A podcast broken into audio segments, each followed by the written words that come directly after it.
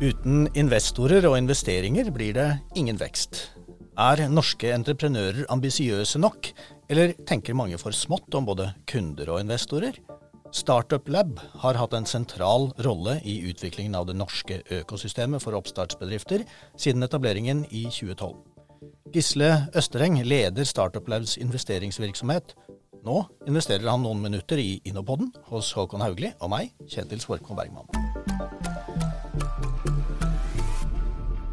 Velkommen til Innopoden, Gisle Streng. Tusen takk. Veldig gøy å være her, og takk for invitasjonen. Det er eh, nok mange som jobber med oppstartsbedrifter på ulike vis, som eh, kjenner deg. Men for oss andre kan det jo være greit med en kort oppsummering. Du har studert Induc ved NTNU og har vært Erasmus-student i Valencia. Ja.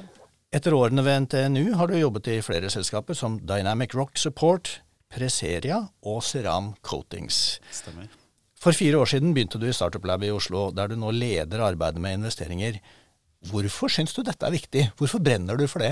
Jo, nei, Det var ikke pga. Rasmus-året mitt i Valencia, akkurat. Det var mer at um, da jeg gikk på Induc, så hadde jo NTNU funnet på veldig mye bra teknologi. Vi hadde funnet på GSM-teknologi, Ugelstad-kuler osv.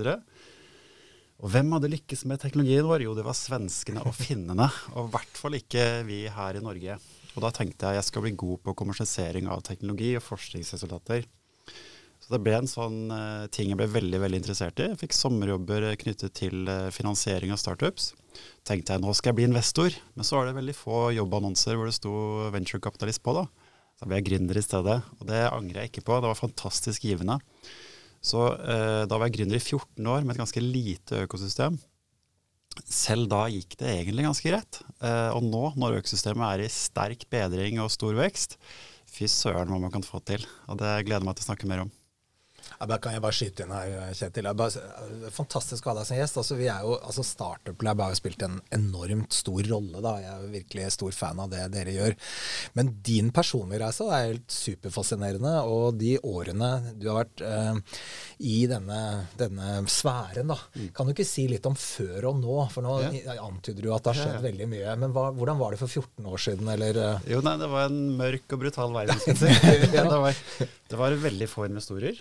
Man kunne aldri velge, egentlig. Og man valgte jo gjerne de som var nærmest geografisk, og tok den prisen man fikk og det lille beløpet de tilbudet. Det var veldig lite seriegründere, og noen veldig få. Så det var en helt annen verden. Mm. Eh, likevel var det masse god teknologi som hadde fortjent å få til større ting kommersielt. Og jeg føler at vi fortsatt er der. Det er, en, det er, fortsatt en god vei å gå, men det er mye lettere, det er mye enklere, det er mindre risiko. Så um, for dere som hører på, bli gründere. Det anbefales sterkt. Aldri vært enklere nå. Veldig bra. Du, jeg, eh, Kjetil antydet jo litt i introduksjonen. og du, eh, Da vi snakket sammen sist, så sa du at norske, norske gründere tenker ikke stort nok. Mm, mm. Eh, altså Blikklinja ligger, ligger liksom for lavt. Ja. Kan du ikke utbrodere det litt? Jo, det er en veldig tabloid påstand. litt farlig at jeg sier det. Men altså, så, så først av alt, vi i Startup vi er bortskjemte. Vi jobber med veldig gode, flinke gründere. De er mye flinkere enn jeg var. De er mye mer ambisiøse, og det er kjempegøy å jobbe med. Likevel, vi kommer fra Norge. Vi har, i hvert fall er min påstand, at vi har veldig mange mentale barrierer. Jeg vet ikke om vi er indoktrinert til å tro at vi må ha eh, lykkes ordentlig i hjemmemarkedet først, før vi tør å tenke internasjonalt. Og det er ordentlig urettferdig. For i Norge vi har fem millioner innbyggere, vi. Mm. Det er ganske lite i en verden med hvor kanskje fire milliarder har kjøpekraft. Så hva med, hva med disse andre 3,90 et eller annet? Eh, hvorfor ikke ta de globale verdikjedene, pengestrømmene. Vi, vi, må kunne bli en del av det. Så jeg tror hvis man tar konsekvensen av sine ambisjoner litt mer ordentlig, så er det en del triks man kan tenke på. Det ene er jo innenfor eh, din, din, lille nisje som gründer. Hvem, hvem er det som kjøper stort? Hvem er det som tjener ordentlig på å kjøpe av deg? Hvem er det som får bonus fordi de kjøper av deg og får til noe bedre? Hvis du finner ut de tingene der, så kan det bli uendelig mye større, mye mer effektivt. Og så er det litt sånn Det er lett å spøke med dette her. Men rent alvorlig, vi taper i konkurransen i Series A-runder, Series B osv. For vi kommer ikke opp på riktig metrics fort nok. Vi konkurrerer mot amerikanere, briter, tyskere. De har et helt annet hjemmemarked. Det er mye enklere for dem å få til større ting, nettopp fordi de har et større hjemmemarked. Så hvis, hvis vi bare glemmer Norge litt, eller tenker at Ja, vi kan gjerne gnukke og gni på teknolog teknologien vår. Det er vi veldig flinke på. Den er som regel alltid mer enn god nok. Men kom oss ut litt tidlig. Finn de store kundene. Test med de, få feedback. Da tror jeg det kan bli mye større mye fortere. Og det, den formen for nudging den liker jeg veldig godt å jobbe med. Så eh, hvis du har lyst til å tenke litt større, kom innom Startup Lab, så får vi en god prat, tenker jeg. Here, here. Dette er veldig bra. Ja, og, og, og det du sier nå, hva betyr det for de selskapene dere investerer i? Hva, slags selskaper ser dere etter? Hvor, hvor langt skal de være kommet, osv.? Ja. Nei, vi liker å være første sånn profesjonell investor, så da er de gjerne eh, ganske unge selskaper. De har gjerne en unik teknologi. Så de, Kort oppsummert så skal de ta verden basert på teknologi. da. Dette er kun norske selskaper. Vi har ikke helt tatt vår egen medisin ennå. men, men, det gir jo eh, en kjempefart, føler jeg, da, for de vi jobber med. For vi kan, vi kan, fortelle om ikke bare min erfaring, teamet vårt erfaring, men vi har jo investorkapital fra veldig mange vellykkede gründere som har fått til mye større ting enn det jeg har gjort. Og det å koble på de, eh, det gir en sånn eh, rakett i ryggen, eh, om du vil. Man får litt større øyne, litt større fart, litt høyere ambisjoner. Så det har, vi skulle gjerne hatt flere sånne miljøer som koblet norsk, norsk, næringsliv på det internasjonale tankegangen og det å tenke litt større. Kan du ikke si litt om disse fondene, for nå er det, er det det fjerde dere er på nå? Eller? Ja. ja.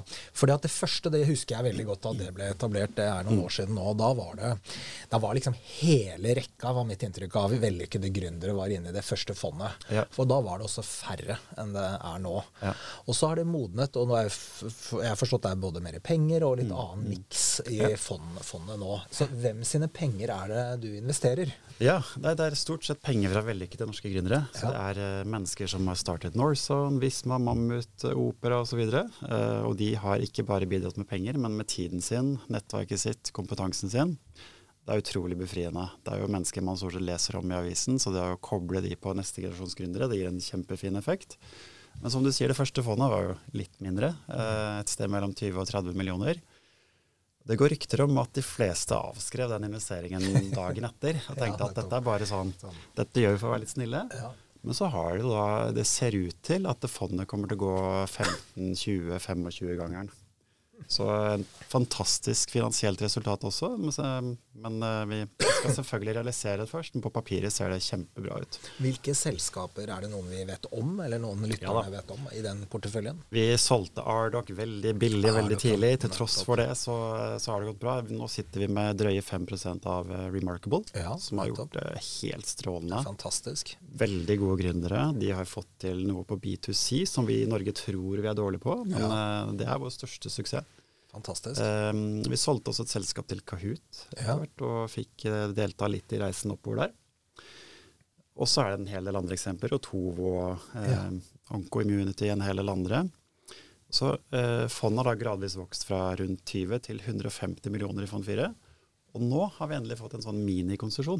Så nå kan vi spørre deg om du har lyst til å investere. Ja. Og så er det jo eh, veldig gøy å være på andre siden av bordet. Mm. Prøve å hente penger selv. Ja. Da får vi møte oss selv i døren. Det er sånn litt uklare prosesser, litt uh, ullen feedback, masse rare spørsmål. Og det har vi så godt av. Ja. Men det ser veldig bra ut. Vi kommer til å um, uh, sannsynligvis få komme i morgen med en såkalt first close av vårt femte fond nå femte, før påske. Ja, og der uh, heldigvis har vi gode resultater mm. å vise til. Og dermed er det sterk interesse. Mm. Men det er mindre kapital der ute nå enn for to år siden. Mm. aller fleste har mindre likviditet, så nå kjenner vi litt på hvor vanskelig det kan være for gründere. og sånn. Vi erfarer jo akkurat det samme i Innovasjon Norge, at det er en nedbremsing. Men at det, hovedbildet er vel at de virkelig gode gründerne og gode prosjektene, de finner fortsatt eh, ja, Eller de får fortsatt uh, tilførsel av kapital. Men det mellomfeltet, som uh, jo også er viktig, ja. de syns det er vanskeligere nå. Du har lyst til å plukke opp ett av punktene dine, og det var dette med at det ikke, handler ikke bare om penger, men at det også er den mm. kompetansen da, og mm. interessen og motivasjonen som ligger i, hos uh, investorene. Hvordan kobler dere da et gründerselskap med den kompetansen? Kompetansen? Altså Hvordan foregår det? Mm, mm. Frem til nå så har det vært veldig manuelt at vi har hatt uh, samlinger hvor ja. uh, vi gjerne sier at uh, et selskap har behov for et sånn og sånn kompetanse. Så samler vi våre investorer, og så kobler de seg på de som vil. Ja. Nå, vi, nå, blir vi så mange investorer etter hvert, og nå må vi kartlegge litt mer hvem er gode på hva, hvilke selskaper har behov for hvilken type sparing. Ja. Og så må vi koble litt mer. det er veldig artig da, at Startup er selv i en sånn eh, vekstfase hvor det ja, ja. blir større krav til struktur. Og Absolutt. Og er jo, vi er jo ikke ak akkurat strukturfascister sånn i utgangspunktet, så det er, det er en krevende øvelse. Mm, men, men, men, veldig morsomt.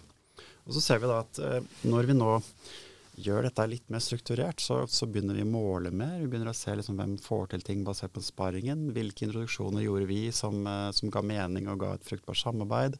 Investorene våre investerer selv nå i porteføljen vår. Det syns vi er flott. Men igjen, da. Det at man skal finne teamet sitt, investoren sin, alle rådgiverne sine i den bitte lille byen langt mot nord, eh, når det er egentlig en hel planet å ta av av kompetanse der ute. Det, det er jo det er ikke bare bra. Så jeg prøver å si til gründerne at eh, sett deg litt på månen. Kikk litt ned på denne lille planeten. Mm. Prøv å tenke hvem er de 20 mest kompetente innenfor din bransje her nede. Mm. Uansett hvor de er. Hvis du ringer de, mailer de, tar en kaffe med deg, en lunsj, en middag, det er ikke sikkert de blir ansatt hos deg, men kanskje investerer de. Kanskje aksepterer å ta telefonen hvis du ringer og lurer på noe. Og plutselig så er du påkoblet en global tankegang heller enn den lille Oslo-tankegangen og nettverket som vi har her òg. Det er veldig gode råd. Jeg mm. liker også veldig godt rådet ditt med å tenke markedet. Da. Hvem er det som faktisk er de virkelig store kundene ja. dette, på, for dette? Eller hvem er det som virkelig kan uh, akselerere da, ja. uh, prosessene dine? Og litt uavhengig av landegrenser. Og jeg tror vi møter jo også bedrifter som tenker at ja, det, altså jeg må først lykkes i Norge, da. Ja, og så, og, og, så, når det er måte, Da kan jeg kanskje begynne i Sverige. Ja, det er, eh, og, og det, det fins svære eksempler òg. Vi tar Oslo først, så tar vi Bergen ja, og Trondheim. Ja, nettopp, etter hvert Arendal. Ja, ja, til og med Arendal, liksom. Ja. Jeg håper ingen fra Arendal nå blir fornærmet av at vi nei, nei, bruker Arendal som eksempel. Ikke noe gærent med Arendal. Men nei, og det her med Det er jo noe med hvordan, hvordan får da gründerne de eh, verktøyene til å gjøre den navigeringen. Nå er jo, Vi lever jo i en åpen verden, det er jo mye man kan finne rundt omkring på nettet. Men så, da, når mm. man finner denne altså, store distributøren da, eller sam mm. potensielle samarbeidspartnerne, hva da? Jo, da, da skal du ta den nisjen din ja. eh, globalt. Og du skal ikke bare ta den, du skal dominere den. Du skal ja, eie den. og det er ikke verre enn det. Altså, det. det. starter på en måte med verdiforslaget ditt. Ja, da ringer man da og sier hei, hei, liksom, kjære Microsoft, jeg er uh, jo, jeg kan ta Håkon Gründer. Ja, ja, Det er veldig, veldig bra spørsmål. Nå, nå liker jeg altså, Jeg jobbet i gruvebransjen.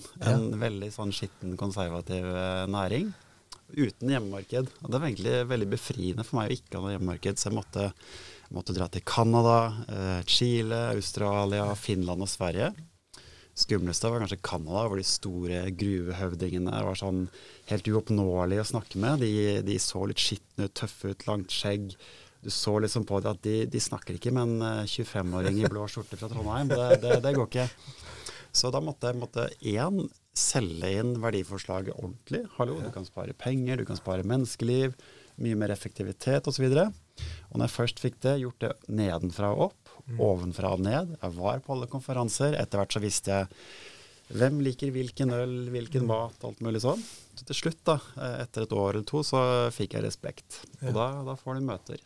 Mm. Og så likevel forsto jeg ikke bransjen godt nok. Så hver gang jeg ga en tegning av mitt produkt til kunden, så har jo denne kunden i denne lille gruvebyen en fetter eh, lokalt, da, som gjerne får tegningen umiddelbart og ja. får beskjed om å lage akkurat det samme. Ja, til tross for patenter og sånne ting.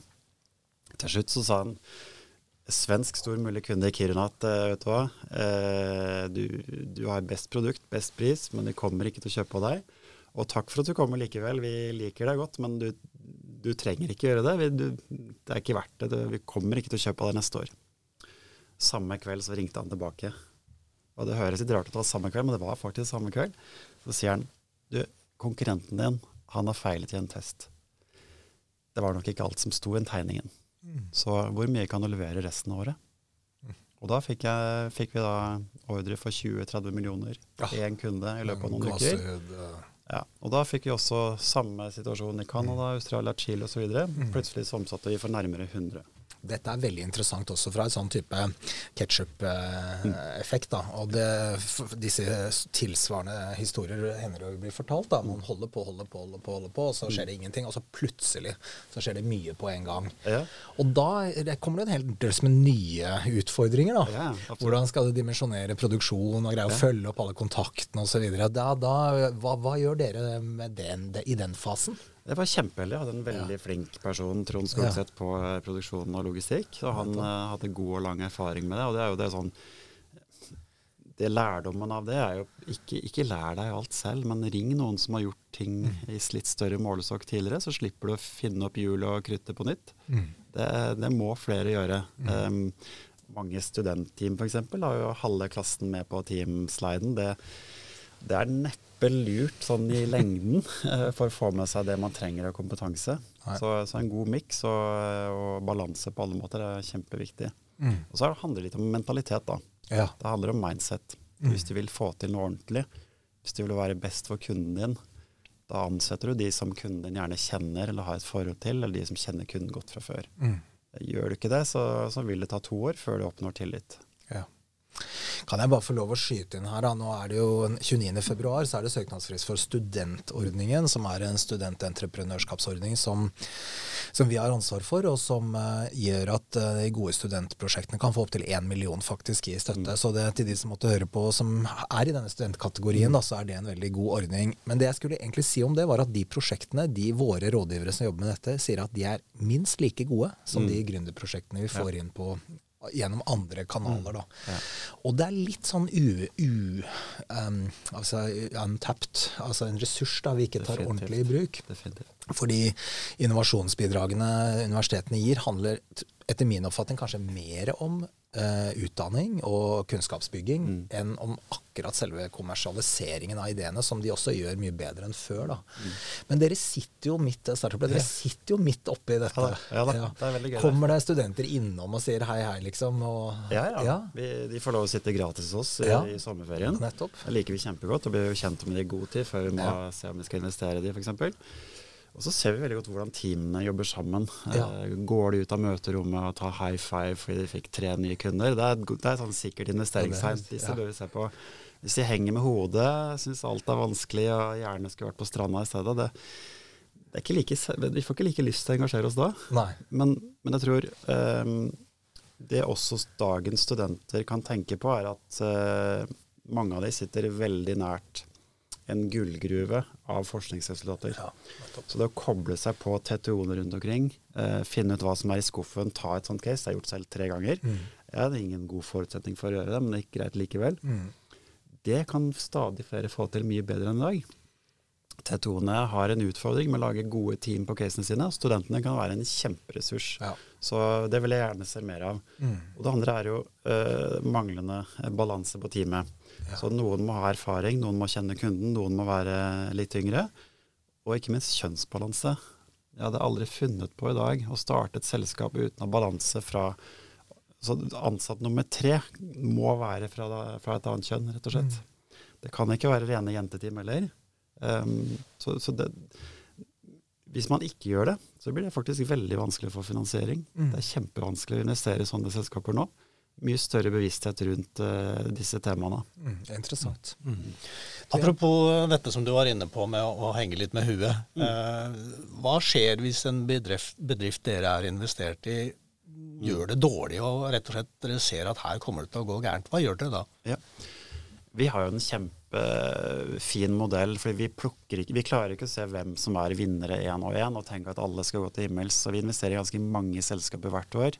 Og vi er vant til at det er ikke alle de som lykkes. Det er overraskende få egentlig som ikke lykkes, men da er det viktig for oss å ta vare på menneskene.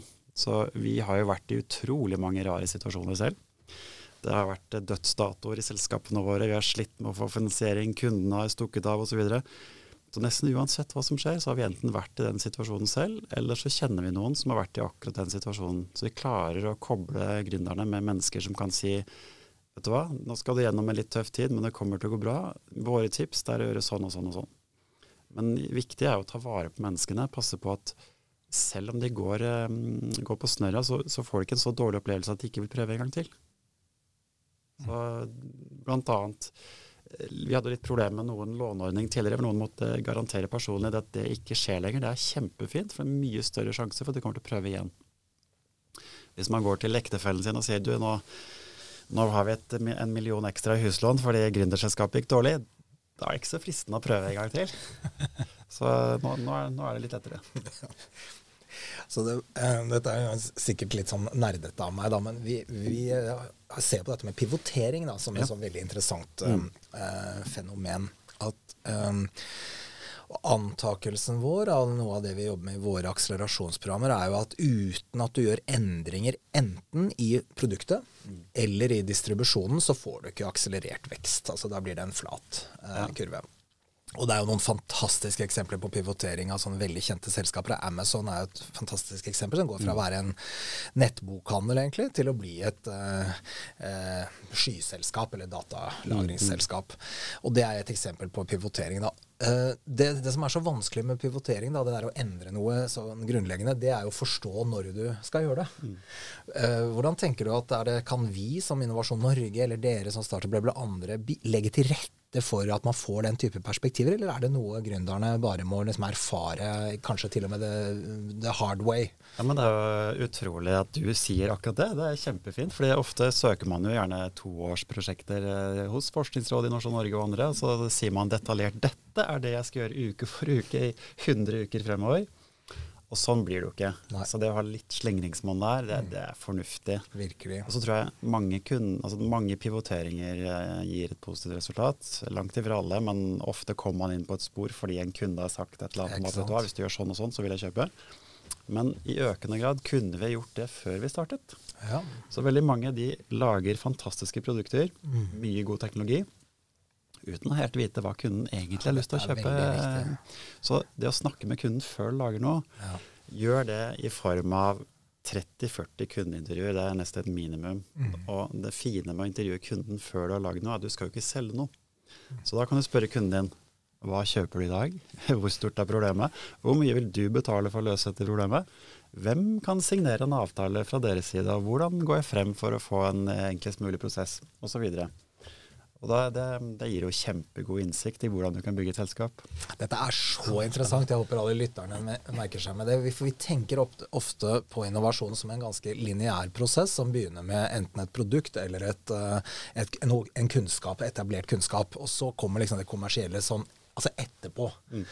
Og altså, sannsynligvis bruker vi også for lang tid da, på å polere på teknologien før man begynner å snakke med kundene. Men det går an, da, som du sier, å begynne i motsatt ende. Ja. Begynne med markedet. Hva er det som trengs? Hvilke problemer er det en potensiell kunde faktisk søker å få løst?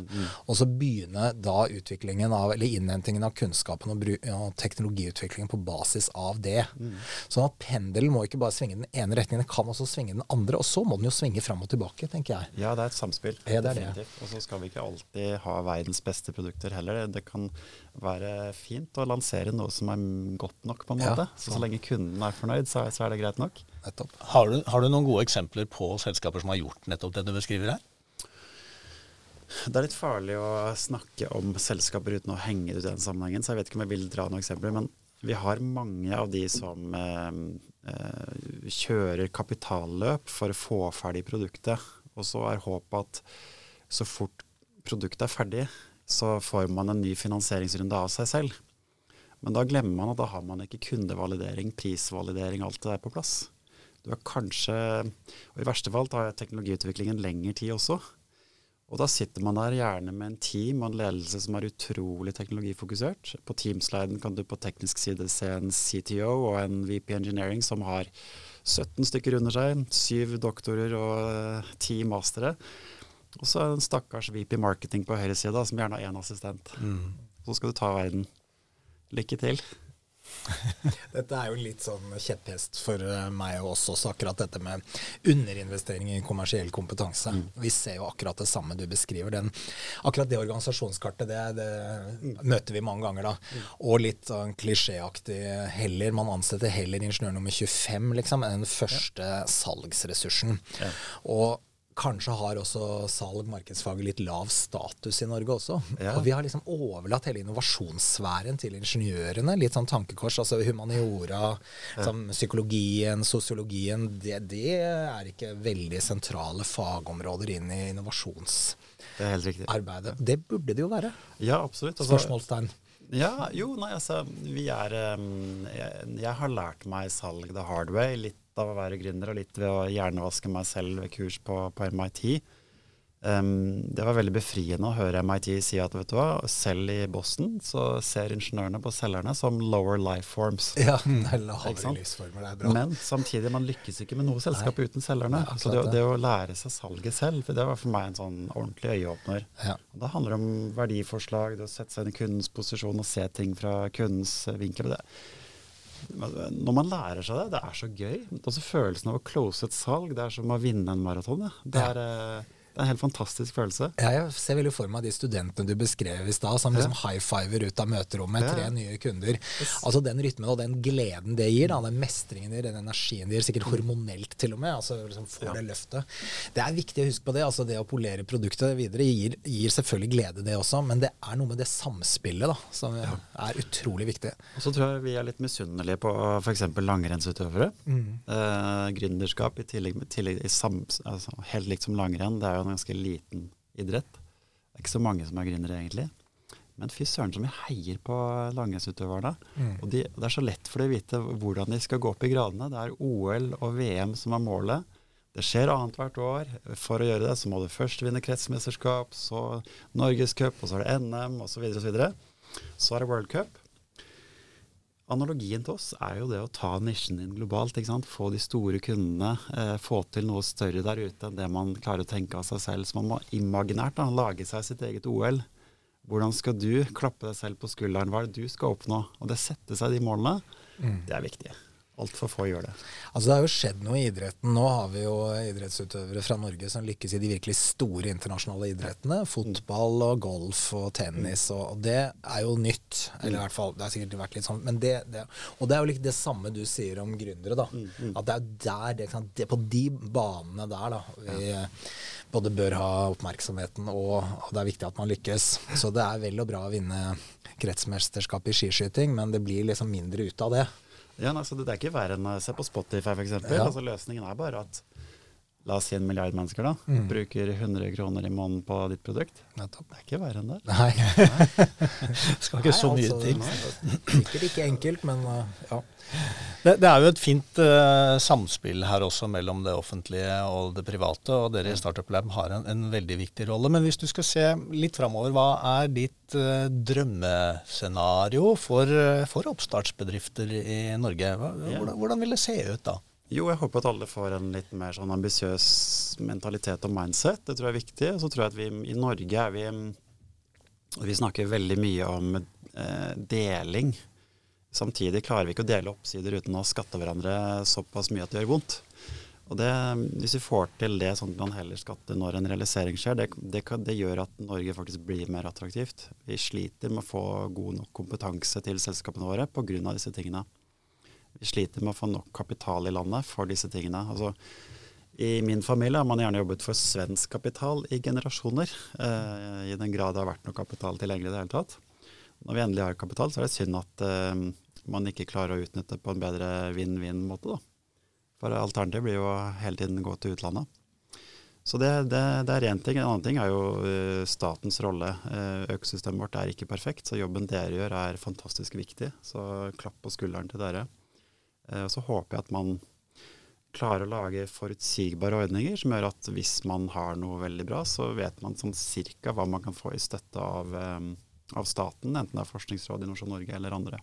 Mm, det er veldig viktig innspill du gir der. altså Takk eh, både for gode ord, men også utfordringene. da, Både det du sa i stad om å forenkle eller gjøre det, skape rommet da, for at um, Vi brukte ordet pivotering, men at det kan være en endring underveis. Og at vi ikke blir så låst i disse to eller for, i verste fall tiårsplanene, mm.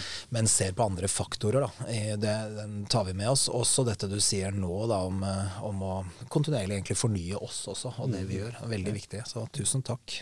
Mm. Du eh, har også sagt eh, at eh, du er i grunnen veldig opptatt av å skryte av norske gründere. Og det ja. syns jeg du skal få lov til å gjøre. Ja, nei, Det er jo veldig mange flinke mennesker som får til store ting, til tross for at oddsen var ganske dårlig. Så eh, det er på en måte, Hvis du ser på Remarkable, Kahoot, og alle disse store, de får eh, mer enn nok eh, spalteplass. Jeg trenger ikke å gjenta det, men jeg er også veldig imponert av de. Jeg er også like imponert over, over selskaper som eh, Sela Sleep f.eks., som eh, løser et viktig søvnproblem. De lager en god hardware med et fantastisk godt hardware-team. Eh, de som har testet produktet, er utrolig fornøyde. Og så starter de med norsk språk, så når de nå kommer ut i verden med engelskspråk og spansk i tillegg, da har de all verdens eh, mulighet til å virkelig ta verden i en nisje hvor um, folk flest får nå øynene opp for det å sove, det er ganske viktig. Søvnkvalitet er en god ting. Så de, de imponerer meg at de står på i et tøft marked hvor det er vanskelig å få kapital, vanskelig å lykkes som Harvard-selskap, alle er liksom negativt innstilt. Likevel kommer de til å få til noe bra. De vant nylig en bra pris, Gullspiren, nå for noen dager siden. Dette ser bra ut. Det er jo deilig å kunne avslutte Åh, denne episoden på en sånn opptur. Ja, så er det liksom en god påminnelse om at vi altså Det er noen myter av Norge som vi må passe på at vi dreper hver gang vi kan. Dette at vi liksom ikke kan drive med hardware, f.eks., som Remarkable eh, også er et eksempel på. Altså Det er tøys. Og hvis vi ser på disse enhjørningene da, som utgjør liksom spissen av isfjellet av norske eh, skaleringsselskaper, så er det noen fellesnevnere med dem. da. Nesten uten unntak er det avanserte teknologiselskaper. Og de er i på områder hvor Norge ikke har noen naturgitte fortrinn. Så det er ikke riktig at vi bare kommer til å leve av det som vi er gitt av fra naturens side av fortrinn. Vi, vi vil også kunne bygge store selskaper, og jeg vet jeg har sikkert sagt dette på podkasten før, altså, men Autostore er den største børsnoteringen i Norge etter Statoil. Det har jo gått eh, litt sånn opp og ned etter det, men det er jo et selskap som er et eksempel på dette. Norge har ingen naturgitte fortrinn for å lage robotiserte lagerløsninger inspirert av Rubiks kube. Og det gjelder egentlig hele rekka av enhjørninger, at de er på områder hvor vi ikke nødvendigvis har noe industriell, eh, industrielt utgangspunkt. Og selvsagt skal vi også utnytte de naturgitte fortrinnene våre til å utvikle nye selskaper, men vi skal også ha blikket på disse eh, som kan lykkes eh, globalt. Som du sier, Gisle, som har blikket ut med en gang og tenker globalt med en gang, og som eh, har eh, skalerbar teknologi. Mm, veldig bra. Kan jeg legge til en ting? At eh, det har aldri vært lettere å være gründer. Nå er det mye lettere å ta veien enn tidligere. Folk flest har mer interesse for entreprenørskap. Så gjør det. Ta med deg noen av det andre kjønn. og Ha ambisjonen i orden, og så kommer du innom oss, og tar vi en prat. Da slutter vi rett og slett med den eh, oppfordringen til eh, alle lytterne. Takk skal du ha, Gisle Østereng, som leder Startup Labs investeringsvirksomhet. Og takk til Håkon Haugli. Mitt navn er Kjetil Sorgmo Bergman. Vi høres igjen i Innopodden.